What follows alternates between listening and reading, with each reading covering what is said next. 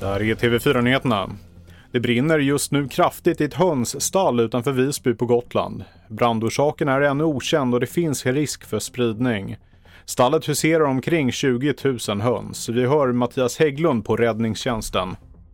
När vi kom fram där så var det fullt utvecklad brand Eh, och eh, tyvärr så var branden så pass kraftig så att det fanns ingen möjlighet att göra något räddningsförsök på djuren.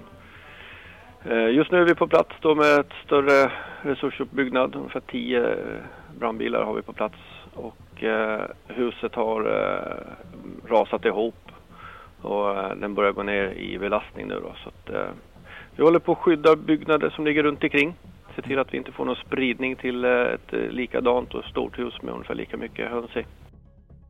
En man har gripits och anhållits misstänkt för mordförsök på en kvinna i Velinge kommun. Polisen larmades till en bostad under torsdagsnatten där den skadade kvinnan påträffades. Kvinnan har förts till sjukhus med ambulans men hennes skadeläge är fortfarande oklart. USAs strängaste abortlag införs nu i Oklahoma. Efter att delstatens guvernör skrivit under lagen är nästan alla aborter förbjudna från och med befruktningstillfället.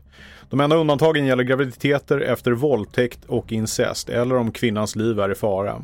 Lagen innebär också att privatpersoner kan stämma den som utfört en abort eller hjälper en kvinna att göra abort. Fyra av tio poliser planerar att aktivt lämna yrket enligt en enkät från Polisförbundet. Det är en ökning jämfört med den senaste mätningen. För få poliser, låga löner och ett hårdare arbetsklimat tycks ligga bakom ökningen. Köproblemen på Sveriges största flygplats har pågått i månader. Situationen på Arlanda kan dock bli ännu värre under Kristi himmelfärdshelgen när många väljer att resa. Vi beklagar situationen och uppmanar resenärer att vara i god tid, skriver Swedavia på sin hemsida.